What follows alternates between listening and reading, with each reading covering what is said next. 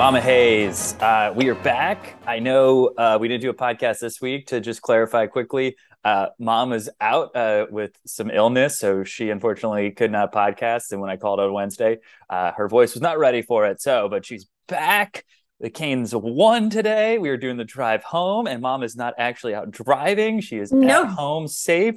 So, this is great news. Mom, the Miami Hurricanes win a game 14 to 12 in Charlottesville against University of Virginia and never score a touchdown. I was I was so excited that they won. I, I had I had us at 15 to 12. and then I realized no, that was not a field goal. yeah, it got to a point where the kickers could no longer be a part of the game. That's how long this went. Uh, four overtimes. Miami, uh, with the new college football rules implemented a couple years ago for the overtime rules, um, Miami and Virginia traded field goals in the first two overtimes, and then they had to go for it.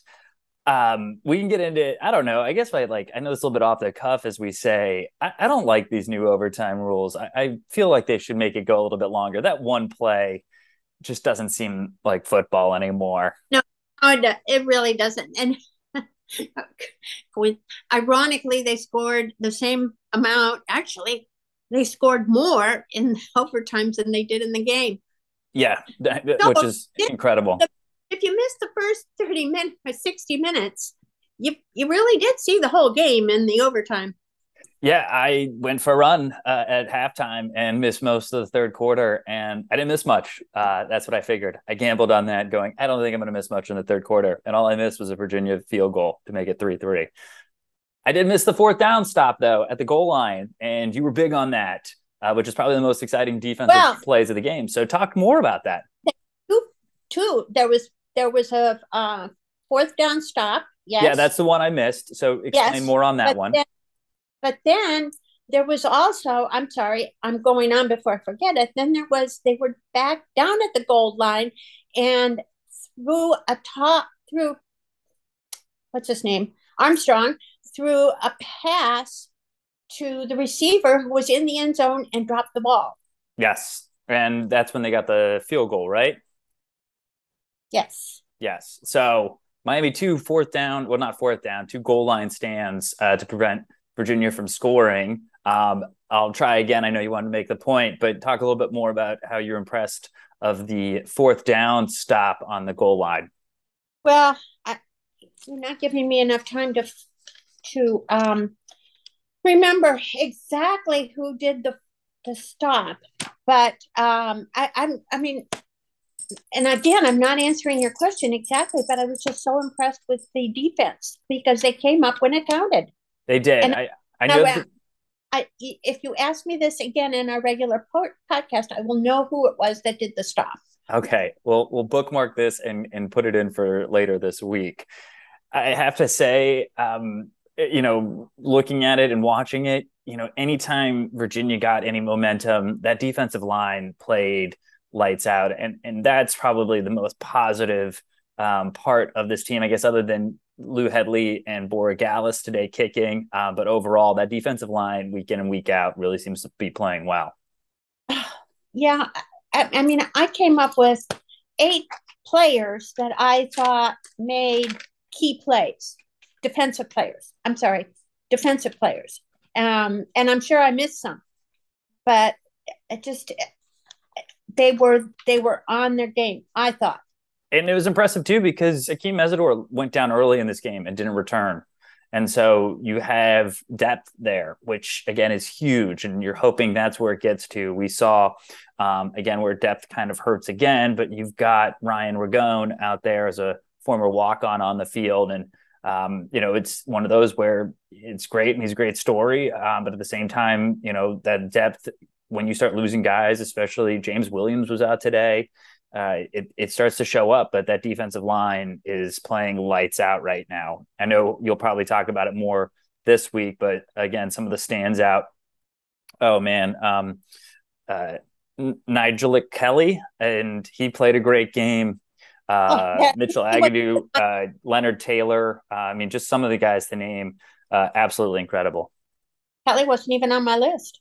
So there you go. Um, and, and some other guys, uh, Harrison Hunt, uh, he was back making plays again. You know, talk about being dropped down on the depth chart and getting an opportunity. I heard his name a few times today. So I think defensive line, you, you got to tip your caps to them and, and, talk about how well that they played. Harrison Hunt had uh, a couple sacks, I believe. Good, good ones. Yeah, I mean, Canes walked away with five total sacks today. That was big. Um, you know, they let up big plays Again, I believe the 60 yard play was the largest play uh, Virginia gave up, or Virginia scored, or not scored. Sorry.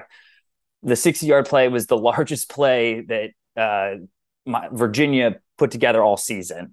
I didn't nail that, but you guys get the point of that. And I thought that was, again, concerning. Um, but as we've said, and you said with the goal line stuff, uh, this team, this team defensively came out to play.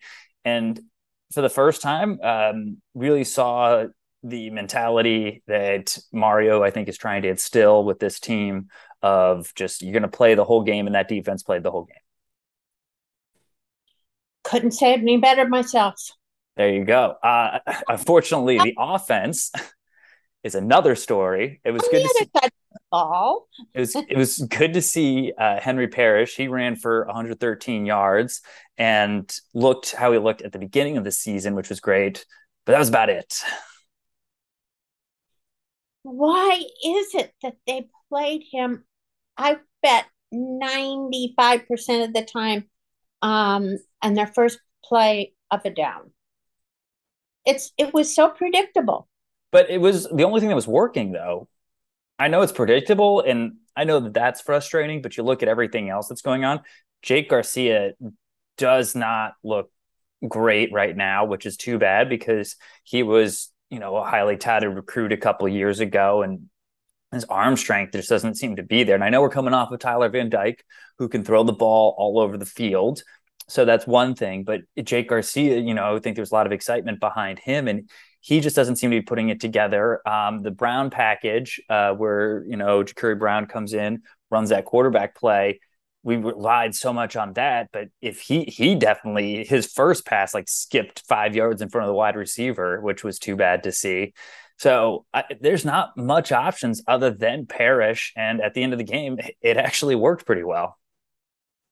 I guess you're right, but um, I have to say though, like part of it too, um, while like the announcers talked about this at the end, because the running game was able to get going, Jake Garcia was able to pull the ball and they were able to do a couple more things on that one where it helped set up uh, the plays at the end of the game because of Parrish's success. Now, did we rely on him too much? Did I love that on that third down play uh, at the goal line to go win the game in regulation. We ran the ball with Parrish and came up three yards short of the end zone.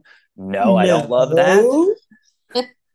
but it, you know, at, at, least that's the bright spot. Other than that, we got to win, Mom. Didn't matter how we got it this time. Um, we got it. And you know, I, I, it's it. It was a bright end. What for me was not the best week. Yes. so I'm I'm just ecstatic. it's it was funny talking with you about it after. Uh, you were very excited. It was almost like we had beaten Alabama. Uh, I, same type I, of energy all of a sudden. Like we're back. We're like Miami's gonna win forever. I'm like, let's like why are you not more excited? Mom actually started like yelling at me about why I wasn't more excited. It was a little tough to hear. I'm like, I don't know. The game was awful. It was a boring game. So, mom, we won, which is great. Fun fact we have two wins in the state of Florida and we have two wins in the state of Virginia. So, unfortunately, we don't have any more games in Virginia this year. So, hopefully, we need to win some other games uh, in Florida and when we go back on the road here soon. But anyway, and, we're, and now we're at 500. 500 got to get to the bowl win. I've said I'm I'm in on Mario if he makes it to bowl game, so he's got two more wins to get to. I think it's important they get there, but we'll we'll be back this week. Mom's feeling better. It's great to hear your voice. I know everyone's going to be thrilled to hear that you're back and healthy, Mom. Okay. All right. Well, let's get him out of here with a little go Canes. You ready? Okay, I'm ready. Go Canes. Go Canes.